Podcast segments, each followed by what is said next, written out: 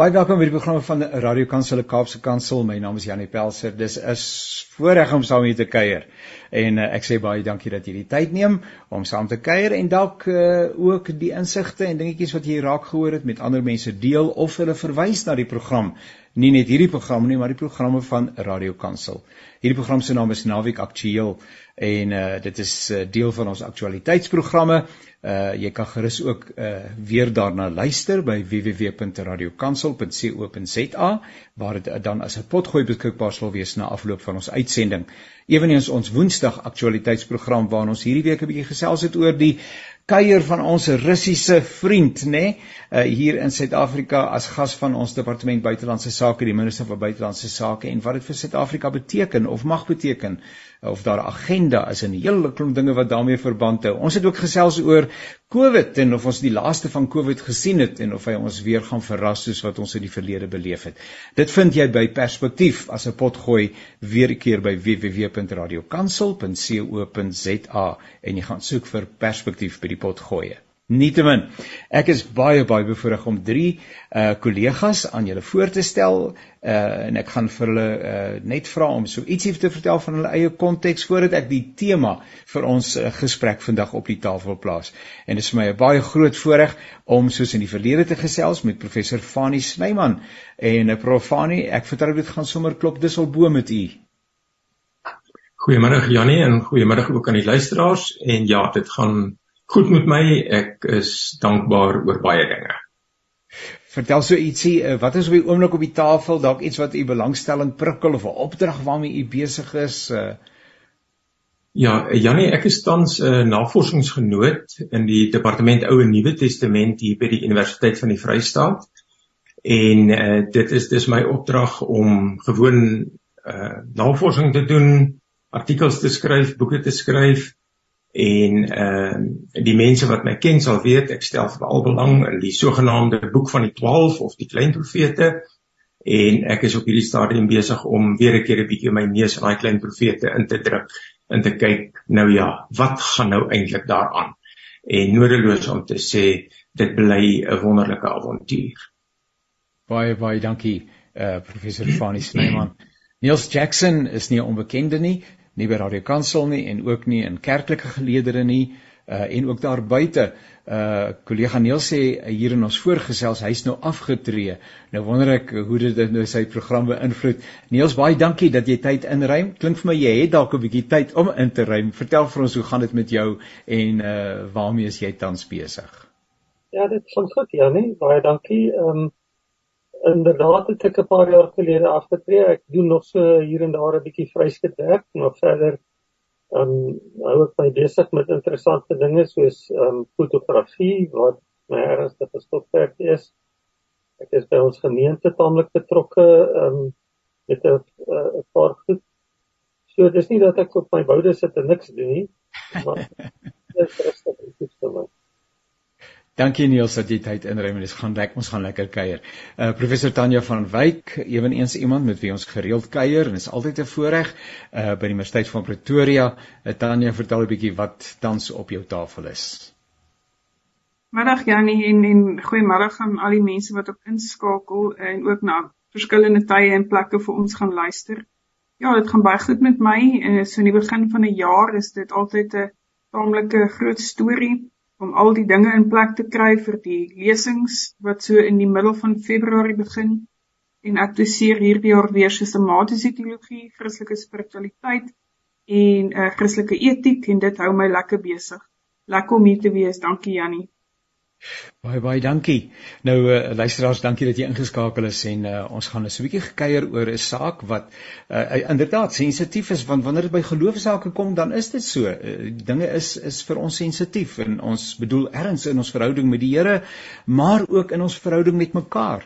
En so het dit nou in die afgelope tyd gebeur dat 'n uh, uh, dokter uh, Nagel, hy's 'n dosent by die Universiteit van Stellenbosch, 'n artikel gepubliseer het as deel van sy akademiese werksaamheid. Nou die artikel het weliswaar al 2 jaar gelede ongeveer verskyn, maar dit het op 'n of ander manier nou eers ter sprake gekom en nou is daar bepaalde vrae rondom die artikel en wat die verhouding dan nou eintlik is tussen en dit is die saak wat ons op die tafel wil plaas.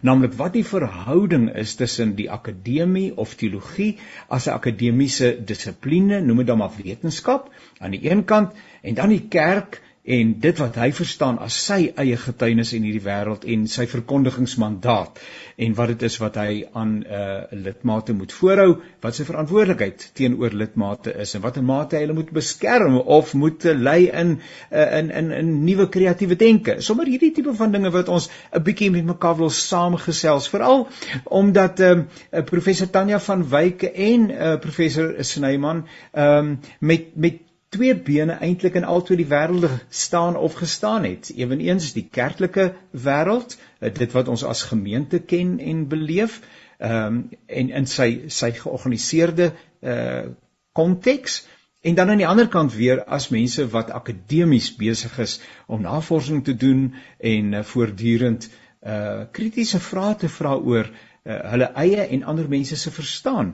van dit wat ons as 'n uh, waarheid aanvaar. So dis ietsie van die agtergrond uh waarteen ons vandag 'n bietjie gaan gesels nou uh veral dan nou in 'n aandeling van hierdie artikel wat dan nou uh, verskyn het en wat nou bespreek word uh het uh, Dr Nagel tot 'n gevolgtrekking gekom wat nie noodwendig uh die die manier is waarop waaroor ons op God en in 'n besonder oor Jesus praat nie. Uh En as jy's oor hierdie goeters wat ons nou lekker met mekaar gaan saamkuier. So baie dankie uh, dat jy gespitste ore saam luister en dat ons saam leer en vir die Gees van die Here ook vra om vir ons bietjie te lei. Nou, ek wil begin by daai begrip teologie. En ek is so bly dat Niels ook uh, saam met ons is. Niels het 'n het 'n intieme en intense belangstelling in die teologie, maar maar hy's ook 'n lidmaat aanhalingstekens. En uh, so so ons kan vanuit alle perspektiewe uitgesels. Kan ons praat oor die woord teologie.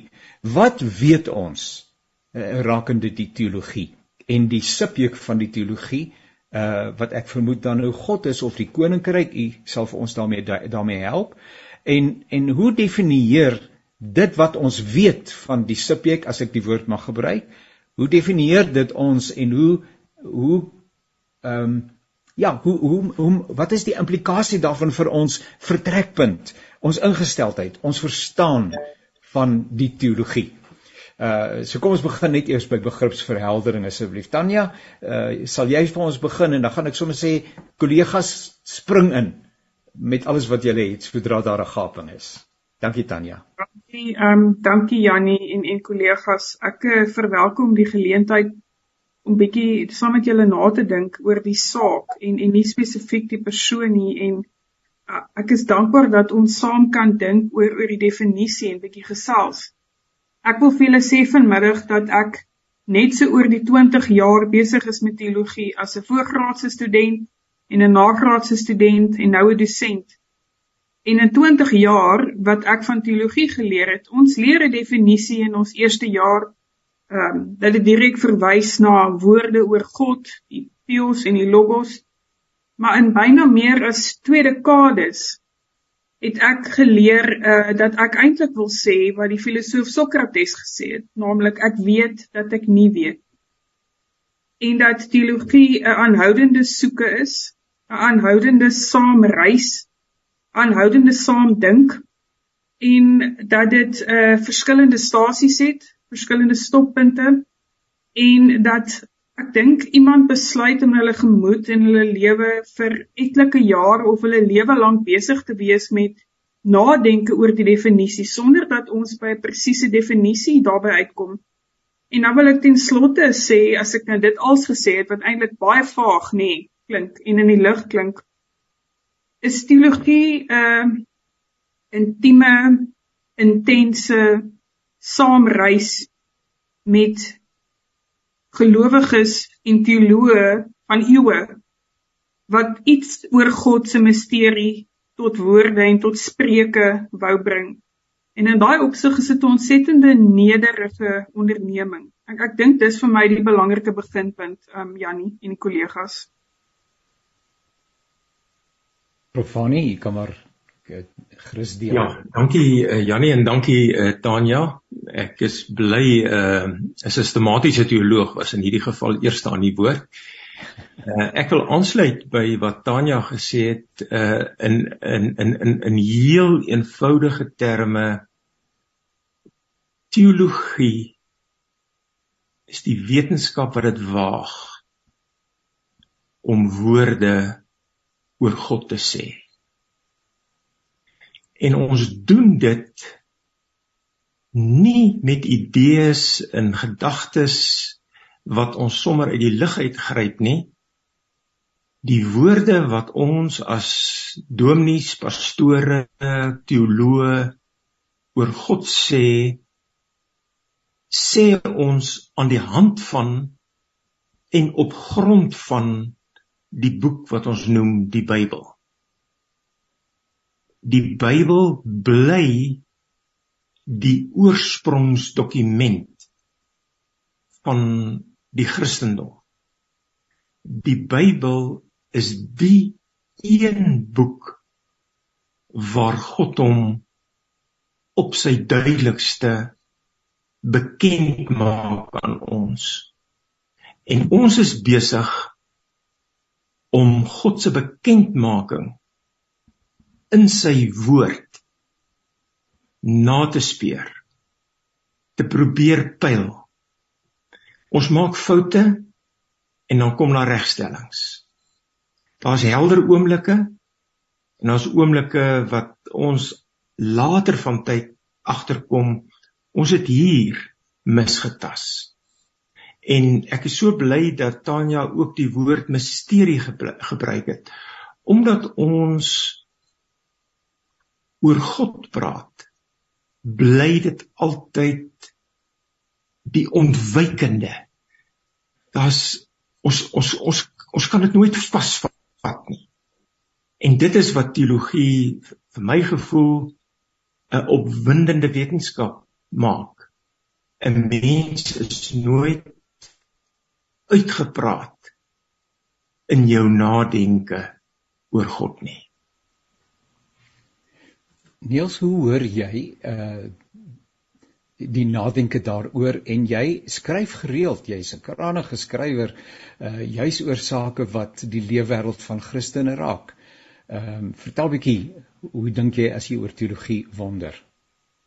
Ja nee, ehm um, ek weet ek moet sê toe ek die eerste keer van hierdie artikel gehoor het wat nou verskyn het, was die eerste gedagte wat by my opgekom het 'n anekdote wat ek op 'n stadium gehoor het oor die kerkvader Augustinus.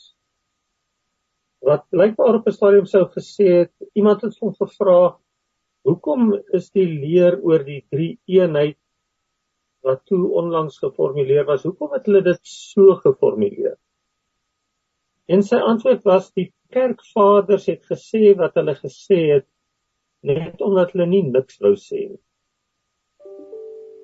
waarmee hy presies dieselfde ding sê wat Tanya en Fani oor gepraat het, naamlik die misterie van God. Die die ehm um, God is groter as wat ons kan verstaan. Hy's groter as ons begrip. Ehm um, en alle woorde wat ons oor God sê is en beste nederige pogings om iets te sê oor iets waaroor ons nie eintlik iets kan sê nie dit aan die een kant van die saak. Aan die ander kant ehm um, het die teologie 'n wetenskap geword waarin teoloë probeer om presies te formuleer. En as ons as ons ehm um, die die wetenskaplike artikels lees, dan moet ons nou keurig lees en nie 'n klomp goed inlees wat 'n ou gesou gesê het wat hy nie gesê het nie. Loot in jou inleiding het jy gesê dat in hierdie geval het het ehm um, die dosent iets gesê oor God en oor Jesus. Nou as ons die woord God gebruik, dan dink ons aan die drie enige God. Dis hoe ons God ken. Maar die dosent het nooit in daai artikel na God verwys nie. Hy het na Theos verwys. Hy het nog die Griekse letters gebruik daarvoor juis omdat hy weet dat daar in vertalings altyd misverstande kom. Ehm um, verskillende tale se woorde is nie presiese ekwivalente van mekaar nie. En in hierdie geval ehm um, is die woord theos gebruik in dokumente wat nou in ons Bybel verskyn wat geskryf is lank voor die die leer oor die drie eenheid geformuleer is. So die vraag is presies waarna verwys theos? En as ons ehm um, daaroor praat, dan moet ons versigtig wees om nie ehm um, goed in sy woorde in te lees wat nie daar staan. Ek hoor die woord uh versigtig. Ehm um, en en ek dink dit is baie belangrik dat ons dit vashou. Ek het nou op die oomblik vir Prof Fani verloor, maar hy gaan seker nou terugkom. Ehm um, Tanya, kan ek vir jou vra want Niels het toe 'n ander begrip op die tafel geplaas en en en dankie dat julle ook vir my help want my teologiese opleiding alhoewel ek uh, uh, steeds 'n lewende belangstelling in die veld het, maar uh, intussen kon van die terminologie in goeters dalk nou iets wat verander het. Uh, Niels het die woord wetenskap gebruik. So die teologie as wetenskap En daar kan ouens wees wat luister en sê maar ons voel nie die twee goed hoort in een sin nie. En wil jy nie saam met dit eh, is ook saam met uh, prof uh, Snyman uh, net sê maar waar waar kom die mandaat van die die teologiese fakulteit die uh, die akademie vandaan om op hierdie wyse met uh, die woord met die met die teologie woorde oor God om te gaan. Waar is die mandaat uh dat die kerk sê die, die universiteit sê maar ons het 'n ons het 'n opdrag en ons kan hom uh, sommer net 'n gedagte wat ek dalk gedink het ek uh, kan noem. So daai wetenskap en teologie en en en wie nou vir die universiteit gesê hulle moet hierdie werk doen. weet jy ehm um, weet jy Janie teologie is een van die oudste dissiplines wat eintlik aanleiding gegee het uiteindelik tot die vestiging van die universiteit. Mm en dit is beskou as 'n klassieke manier om in wese jou konteks te verstaan en en jou werklikheid te verstaan. En dat dit dit die geloof en en dit wat met God te doen het van so 'n aard is dat jy baie tyd moet spandeer um en die respek daaraan moet betoon om dit volledig te kan bestudeer en dit is onder andere wat aanleiding gegee het tot 'n uh, teologie as deel van 'n universiteit as een van die oorspronklike departemente wat ons nou in vandag se taal departemente of fakulteite sou noem. Vir my is dit op 'n manier baie meer eenvoudiger as dit as jy praat oor die mandaat, ons kan baie praat oor die definisie van wetenskap en ek sal dit my kollegas ook bietjie daaroor praat, maar as ons wil praat oor die mandaat is vir my die eenvoudigste een en die mees eksistensiële een is die een wat ons in die Heidelbergse Katekismes kry. En dit is die definisie van geloof.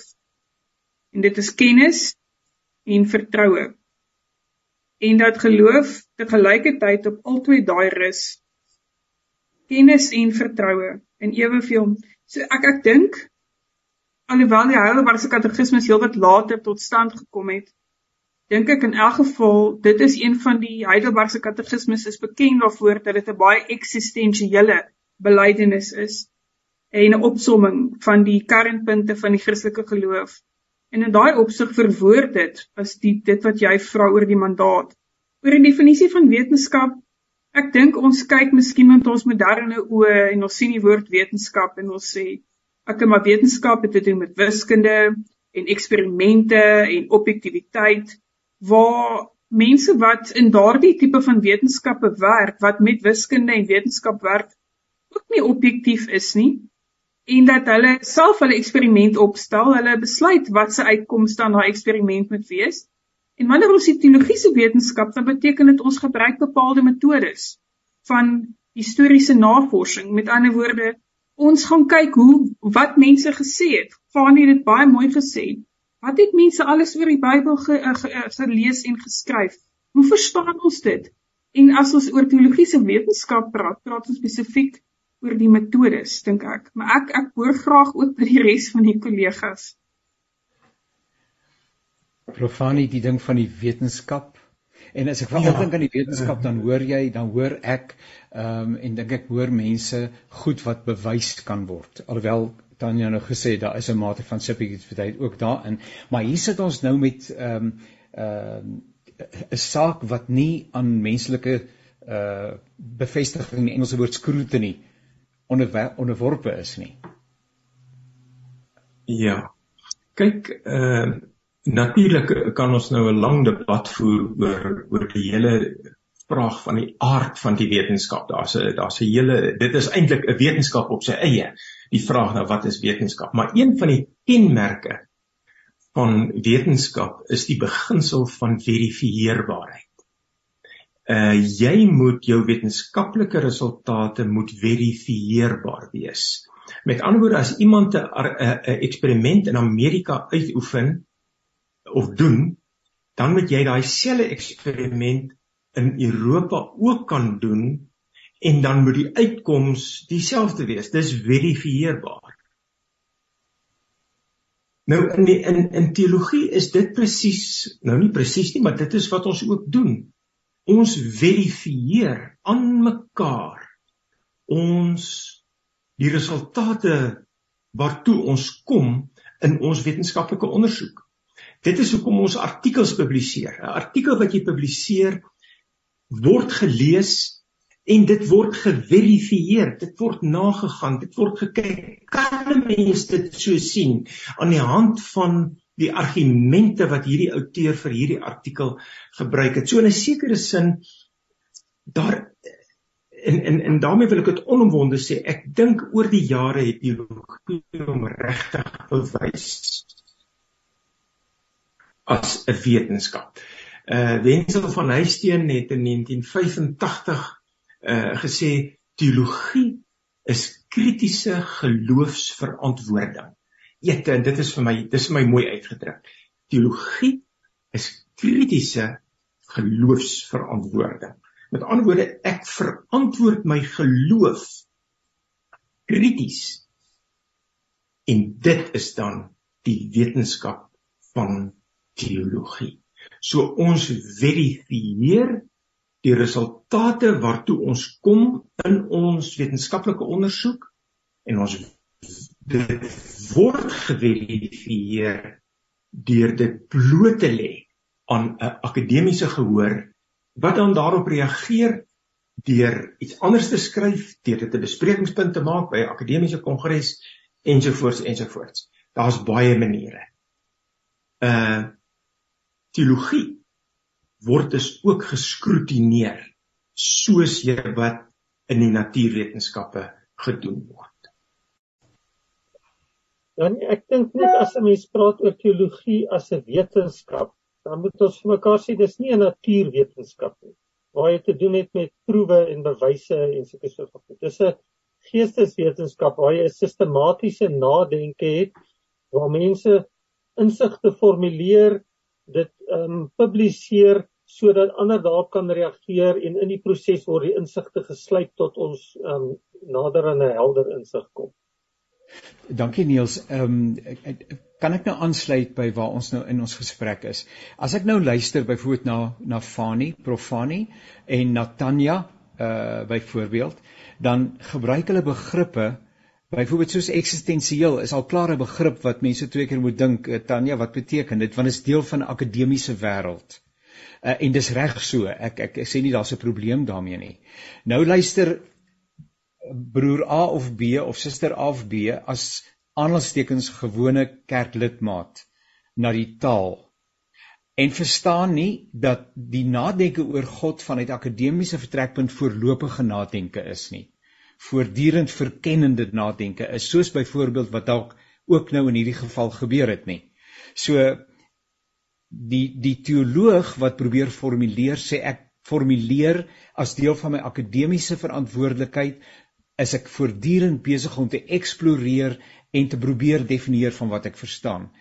Die lidmaat soos in die geval van hierdie spesifieke geleentheid het 'n gewone lidmaat 'n stelling gehoor Daai stelling het aanleiding gegee tot 'n verdere saak. So hoe hoe hanteer 'n mens hierdie ding? Uh, ek hoop julle verstaan wat ek probeer sê, maar die een bedoel een iets, uh, maar die ander ou weet nie waar hy vandaan kom nie. Hy weet nie wat sy mandaat is nie en hy gee doodgewoon 'n bepaalde betekenis daaraan en nou sit jy met iets wat ongemak veroorsaak. Janie, as ek net hier uh die gesprek uh, kan aan die gang sit ten opsigte van uh um jou opmerking. Ek was nou die dag by die dokter gewees. Ek het bloedtoetse laat neem. Ek doen dit op 'n jaarlikse grondslag en ek is nou nogal iemand wat nuuskierig kan wees. Ek dink ek kan nogal bietjie van 'n pynlike ervaring wees vir die mediese dokters want ek wil verstaan. En die dokter het sekere dele van die uh, mediese verslag vir my verduidelik en ek het die dokter onderbreek. Ek wil nou vir jou sê dat ek nie al die inligting verstaan wat uh daardie verslag bevat nie en dit as ek die verslag sou lees sonder die hulp van die mediese dokter is daar 'n redelike groot kans dat ek tot verkeerde gevolgtrekking sou kom. Want nie al die inligting wat tussen mediese dokters byvoorbeeld rondgestuur word is noodwendig sonder filter en onverduidelik.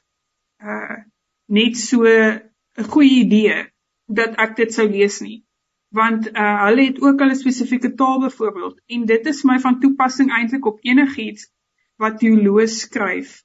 Um en en ek dink regtig waar dat ons soms in 'n sekere opsig die verhouding tussen kerk en teologie onnodig polariseer alhoewel ek verstaan presies die geskiedenis daar rondom maar dat die een die ander een kan informeer ook. Maar ons moet baie versigtig wees met die omgang met met die tipe inligting en nie net aanneem dat ons iets lees en ons onmiddellik dit verstaan nie. Ek ek dink dis net 'n klein stukkie nederigheid wat weer moet inkom as ek kan aansluit by my heel eerste opmerking oor oor die nederigheid van teologie Ja, Jannie, as ek uh, daarbey kan aansluit uh, en in 'n sekere sin gaan ek ander woorde gebruik om eintlik presies dieselfde te sê as wat Tanya nou gesê het. Ons maak lankal al die onderskeid dat uh, die Bybel eintlik funksioneer in drie verskillende, kom ons noem dit domeine, gebiede, areas. Daar is natuurlik die die die kerklike persoonlike ruimte. Daar waar ek as kerklidmaat Bybelstudie doen saam met medegelowiges daar waar ek Sondag in die kerk sit en die woord word aan my bedien via 'n erediens en 'n preek dit dit is dis die een domein. Dan is daar 'n tweede domein en dit is die domein van die wetenskap waar teologie as wetenskap uh beoefen word. Dis 'n tweede domein En dan is daar 'n derde domein en dis die domein van wat 'n mens kan noem die publieke ruimte. Dit is waar uh, instansies waar die kerk 'n bepaalde kerk of die kerk in die algemeen 'n uitspraak maak gegrond op teologiese argumente en oorwegings oor kom ons sê nou maar 'n bepaalde situasie in die land. So en ek dink net ons moet hierdie domeine, hierdie areas so bietjie uitmekaar uit hou. Uh, uit 'n persoonlike standpunt om dit te verduidelik, uh ek sê altyd vir myself wanneer ek preek, is dit iets anders as wanneer ek 'n referaat lewer by 'n kongres, 'n akademiese kongres. 'n Preek is nie 'n referaat nie, maar 'n referaat is ook nie 'n preek nie. Dit is twee verskillende goed wat ons doen, maar dis binne die algemene terrein van Bybel en teologie. En ek dink ons moet die goed so bietjie uitmekaar uit ook hou. Uh dit sal ook ons gesprek uh makliker maak. Ek dink Jannie 'n aspek waarin jy nog nie geraak het nie en wat ook 'n sensitiewe een is, is die kwessie van die die aard en die gesag van belydenisskrifte in die kerk uh want want dit is waar die eintlik dit is waar teoloë hulle soms stamp aan die kerk om dit nou dis wanneer die belydenisskrifte ter sprake kom.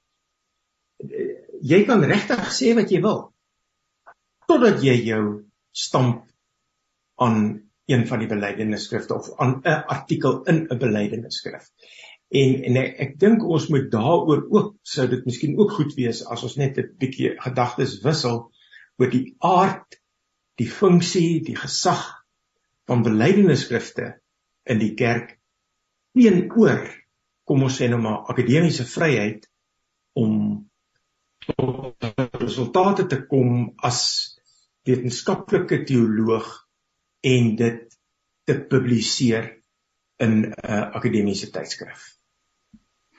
Ek wil ek baie dankie dat u die saak van belydenisskrif op die tafel geplaas het. Ek wil nou daarby kom saam met u. Ek wil net vir Niels vra as 'n gerespekteerde joernalis.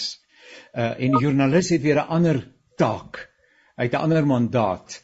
Ehm um, uh en en en 'n joernalis en ek dink nou maar hardop daaroor kyk na wat gebeur en sê ek wonder of hier is perspektiewe, hier's goeters wat mense dalk nie raak sien nie. Wat ek wil probeer vra as Niels waar, want dit is nie die eerste keer dat jy as joernalis na 'n bepaalde situasie kyk soos dit wat tans op die tafel is nie. Daar was soortgelyke omstandighede en gevalle in die verlede. Waar loop dit dan uiteen uh dat daar 'n stuk kloof kom tussen kerk as ek die woord mag gebruik en akademie? Want dit loop meermale uit op hartseer as wat dit op 'n versoeningsgesprek en begrip uitloop as ek dit self mag uh sê hoe ek dit beleef. Ehm um, waar loop dit uiteen? Wat sien die onderskeie partye dan nie van mekaar raak nie? Nee, ek dink daar's 'n paar faktore wat 'n rol speel. Ehm um, een is as ons terugkom na belydenisskrifte. Ehm um, die artikel die die opmerking van Augustinus wat ek nou-nou na verwys het, uh probeer sê oh, hierdie is versigtige formulerings. Ehm um, dis nie eksakte uitsprake nie. Ongelukkig het hierdie belydenisskrifte nou al oud geraak. Jy weet hulle is eeue oud. Ons ken hulle so goed dat dit op 'n manier geuit geraak het. Iets van die misterie het verlore gegaan en mense dink die belydenisskrifte sê presies terwyl dit dikwels nie so presies is nie. Dit is 'n poging om iets te probeer sê dan gebruik hulle hierdie ehm um, belydenisskrifte om ander mense mee te kritiseer.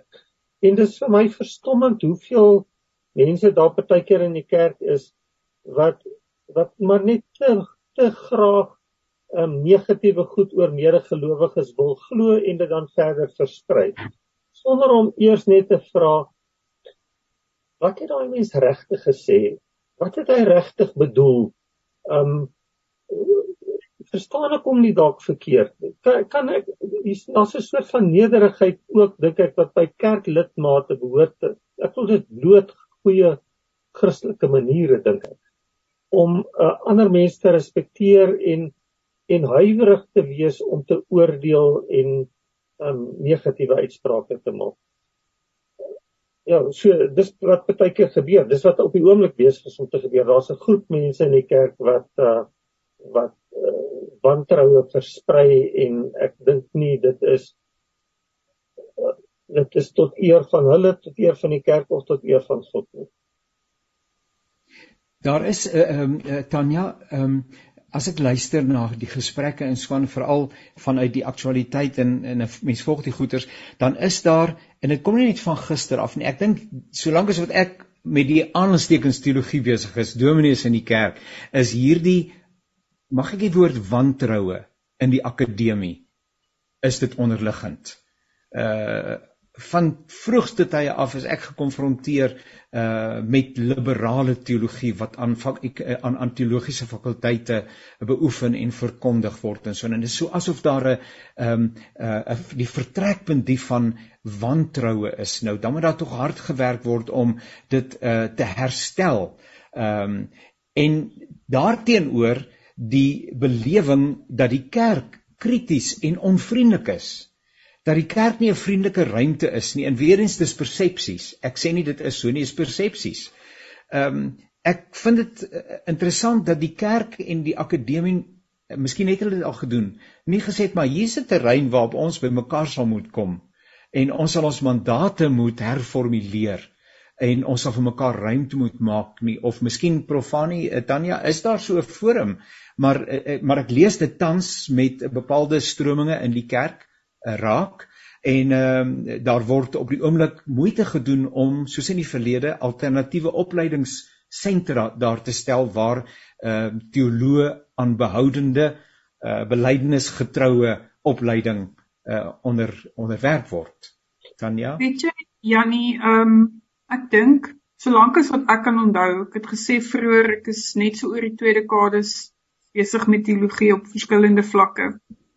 Solank as ek kan onthou, my kollegas sê dit was voor dit al so. Was daar hierdie effense wrywing uh tussen uh sê net maar kerk en teologie of ehm um, jy het vroeër ander woorde gebruik, ehm um, sê net maar kerk en en en en en, en wetenskap byvoorbeeld. En hierdie tipe van goed uh, is ebb and flow. En dit my een kollega sê altyd in Engels the more things change the more things stay the same. En ek wonder dit het met 'n klomp goed te doen, maar ek wonder of dit in ten minste ten dele so eintlik bietjie teruggaan tot 'n uh, bepaalde klasverskil, 'n probleem waar sekere groepe van die samelewing toegang gekry het tot onderrig en dit was beskore vir 'n klein bietjie en die res van die wat sou wou kon nie toegang kry uh, tot daardie ehm um, geleerdheid nie. En dat dit miskien histories sou kon teruggespoor word tot 'n bepaalde wrywing van elite versus die massas. En dat ons wêreldwyd nie net in die teologie nie beslis nie in die teologie net en net in die kerk nie hierdie tipe van 'n ehm um, jy wantroue het of suspisie eens geleerdheid, dan is dit moeilik en hoekom moet jy altyd alles so kompleks maak? En hoe kan jy dit asseblief om hemelsnaam nie net eenvoudig verduidelik nie? En hoekom dink jy jy is beter as ek want jy het nou 'n paar grade wat ek nou nie het nie? En hoekom is dit nodig dat dominees en pastore vir jare lank leer? Ek dink hierdie wrywing het baie meer te doen met 'n bepaalde ideologiese aspekte en bepaalde ehm um, klasseverskil. Ek dink as mense sou kon terugspoor, as wat dit altyd as ons eerlik is met mekaar regtig noodwendig um, te doen het met 'n uh, teologiese verskille. Maar die gesprekke sal etlike jare aan die gang wees, dit beslis nie beperk tot tot teologie en kerk nie. Dit is iets wat baie wyer strek as net die area waarin ons osself bevind en in die algemeen dink ek ons leef in 'n era omdat almal so baie toegang het tot kennis is daar al hoe meer die uh, uh, uitdaging om die kennis waarmee jy besig is, die woord wat Fani gebruik het vroeër te verifieer. En uh ja, sosiale media het nog 'n ander dimensie bygevoeg en ek sal 'n bietjie later aan daaroor 'n woord of twee sê as ons bietjie tyd het, maar ek hoor graag um by die kollegas. Profanie ek weer ek seer maar aanvul by wat eh uh, Tanya gesê het en ja, ek wil ek wil ek wil nou weer nie die woord wrywing gebruik nie ek wil nie die woord wantroue gebruik nie. Ek wil nie die woord suspisie gebruik nie. Ek sien eerder die die verhouding tussen kerk en belydenis aan die een kant en teologie beoefening as wetenskap aan die ander kant as dat die twee in 'n spanningsverhouding staan. En as ek sê spanningsverhouding, dan bedoel ek dit in 'n positiewe sin dit is goed dat daar 'n bietjie 'n spanningsverhouding tussen die twee is. Dit hou aan die een kant die teoloë 'n bietjie op hulle tone. Maar te gelykertyd daag dit 'n bietjie die dominees en die pastore uit om ook gekonfronteer te word met 'n vars nuwe soms selfs provokatiewe standpunt. So ek sien die twee eintlik as in 'n spanningsverhouding tot mekaar waar die een nie eintlik kan sonder die ander nie. En as 'n mens nou na die geskiedenis gaan kyk, dan sien 'n mens telkens in die geskiedenis het die kerk na wetenskaplike teoloë toe te gaan, teologie as wetenskap toe gegaan en gevra, "Help ons met hierdie vraagstuk." Tanya, ekskuus dat ek 'n voorbeeld noem. Kan dit Bybels hoegenaamd geregverdig word dat 'n vrou 'n predikant mag wees? Net dis dis 'n verskriklike gedagte. Hoe baie tyd het julle? so, kan julle sien. Dink aan 'n meer bizarre voorbeeld. Moet vrouens 'n hoed dra tydens 'n erediens of nee. As 'n mens gaan kyk na die besinning van die kerk, dan is die mense wat meegewerk het aan daardie éventuele besluite die professionele teoloë wat die kerk gehelp het. En ek kan nou mag kinders nagmaal gebruik. Die huidige diskurs oor homoseksualiteit telkens by die groot vraagstukke waarmee die kerk geworstel het, het hy gaan aanklop by sy vernoot die professionele teoloog van die kerk. En so het hulle die kerk gehelp om tot besluite te kom. So kom ons noem dit kom ons sê kerk en teologie staan in 'n kreatiewe spanningsverhouding tot mekaar en eintlik is dit nie 'n slegte ding nie. Wonder Niels en jy, jy jy moet hartlik uit jou hart uit deel, maar ek wil net iets vra. Ehm um, ook vanuit die perspektief van iemand wat van buite af na die kerk kyk en dit is nou 'n groot term wat baie goed insluit en so aan. Ek ek lees nou in die naweek se uh, media eh, 'n uh, gesprek wat gevoer word met een van uh, ons kerk se verteenwoordigers en dis die klassieke manier waarop oor hierdie goed gepraat word. Ek vra net, het die tyd nie aangebreek dat ons as kerk op 'n ander manier oor dinge praat nie. So in terme van hierdie spesifieke situasie, maar soortgelyk is, is die taal wat gebruik word 'n klag byvoorbeeld of 'n aanklag. Uh daar is byvoorbeeld 'n is 'n 'n verhoor wat plaasvind. Daar word skuldig bevinding uh, uh, daar word daai tipe van taal is dit hoe die kerk praat met mekaar. Sê moet ons nie op 'n plek kom waar ons net anders praat met mekaar as medegelowiges nie want selfs vir my as ek dit lees dan dan styg dit vir my teen die bors dat kerk so met mekaar kan praat. Niels of is ek verkeerd? Is dit oukei okay? is ek te sensitief? Ehm um, die kerkreg ehm um, doen ons dit ons nie 'n guns nie Um al daai prosedures is met baie goeie bedoelings ingestel. Maar soos dit gebruik word, um speel dit dikwels op 'n baie slegte manier uit. Um dit lyk asof ons almal met mekaar beklei. Terwyl dit dit ook 'n rustige oop gesprek um baie bemoeilik. Want as 'n mens beskuldig word en jy moet jouself verdedig, dan um so dan sê jy dadelik op die agtervoet. Jy kan nie 'n rustige oop gesprek hê van kom ons deel gedagtes en kom ons soek saam die waarheid nie. Ehm um, ek ja, dit is dit is 'n slegte ding wat gebeur. As ek net vinnig daarbey kan aansluit, ehm um, ek stem so volledig saam met wat Neil sê en ek is so dankbaar dat Fani hierdie uh positiewe spanningsveld so mooi verduidelik. Want ek dink wat die twee van hulle verduidelik is inderdaad inderdaad die ideale verhouding tussen kerk en teologie. En ons het in die verlede dikwels gesien, soos wat hulle albei sê dat daai verhouding die een is wat beide tot eer strek en uiteindelik goed is vir almal en uiteindelik uh, goed daaruit kom ook. Ek dink dit is perfek die manier hoe dit moet wees en ek dink in baie gevalle is dit ook so.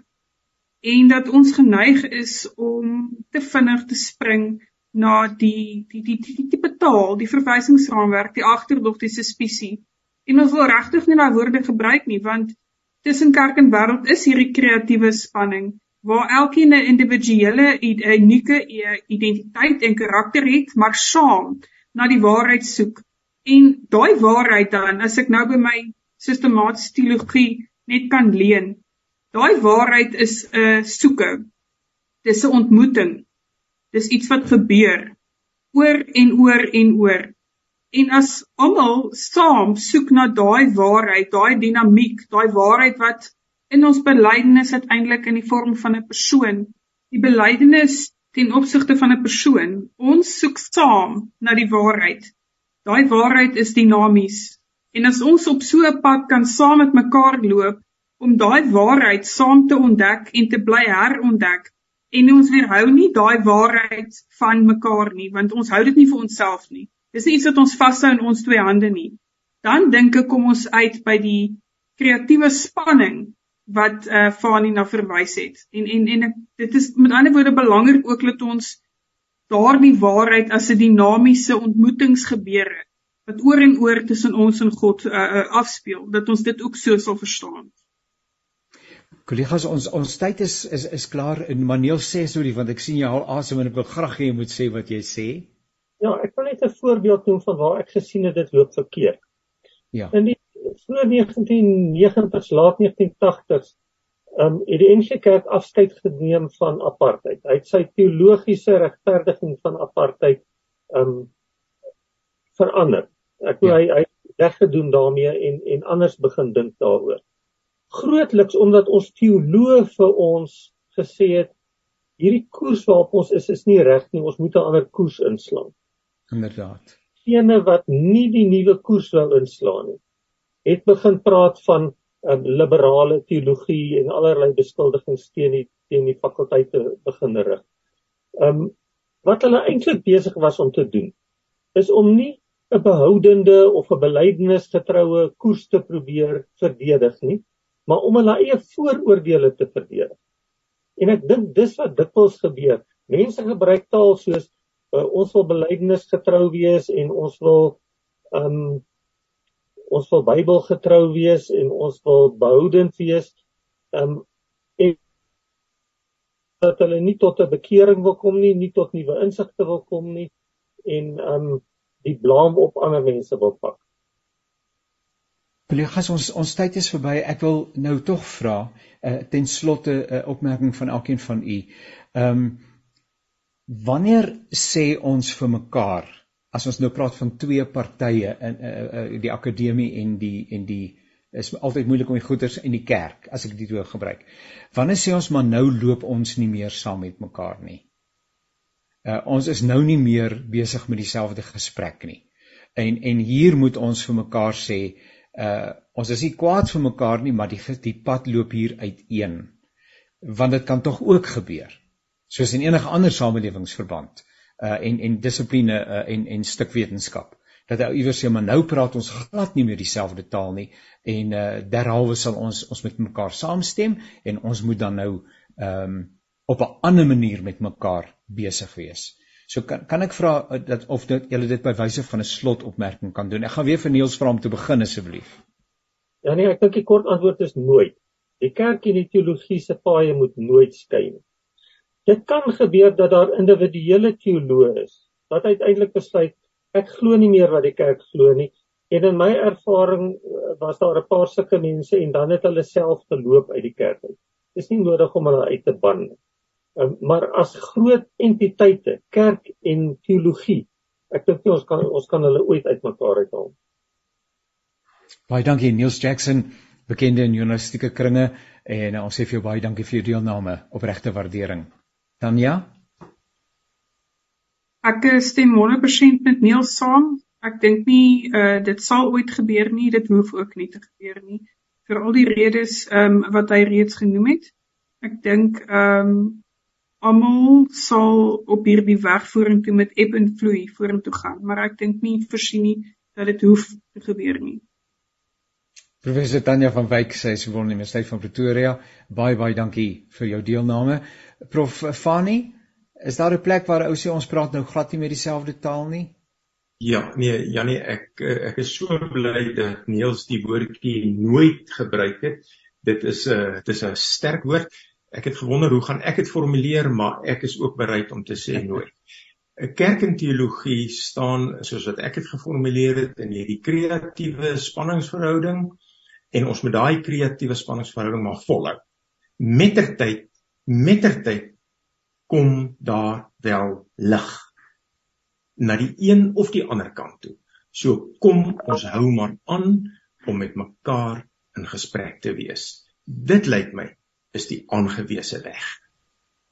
Professor Fani uh Snyman en uh, soos altyd heerlik om saam met hom te kuier. Kollegas, baie baie dankie vir die tyd wat u ingeruim het. Waardeer dit opreg. Uh en ook kollegas luisteraars, baie baie dankie dat julle ingeskakel het en saam dink en saam formuleer en saam gesels uh en eksploreer oor hierdie delikate aangeleentheid, maar tog baie belangrik vir ons getuienis in hierdie wêreld. Uh Zani, thank you so much for facilitating this program en onthou dat jy uh, weer 'n keer kan gaan luister by www.radiokansel.co.za en by die potgoeie of naweek aktueel of perspektief. Nogmaals dankie tot 'n volgende keer alles wat mooi is.